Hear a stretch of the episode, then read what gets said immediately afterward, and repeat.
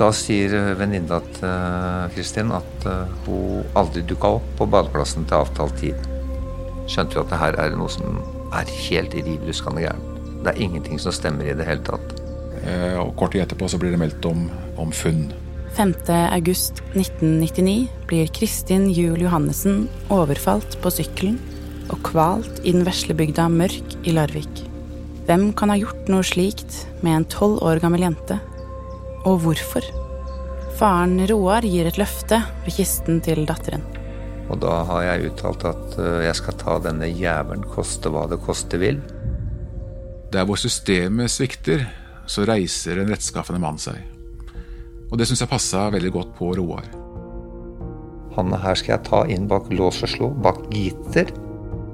Ja, Det er jo et løfte han har gitt, da. Det er jo en forpliktelse han har tatt på seg. Og det er jo massivt, altså. Dette er historien om en fars årelange kamp for å avdekke sannheten. Hvor langt er en far villig til å gå for å holde løftet sitt? Jeg har sittet i mørke kjellere med bankraner, heroinslaver. Jeg har stått i mange mørke smug og snakka med folk. Ehm, så jeg har vanka på en del sånne steder. Og, men er et sted som det var trygt å gå i den perioden, så var det egentlig de farlige miljøene som politiet stadig, det var. For de visste hvorfor jeg var der.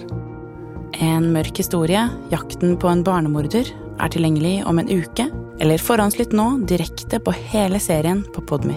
Da støtter du arbeidet vårt og lytter samtidig helt reklamefritt. Gå inn på podmy.com slash en historie og les mer.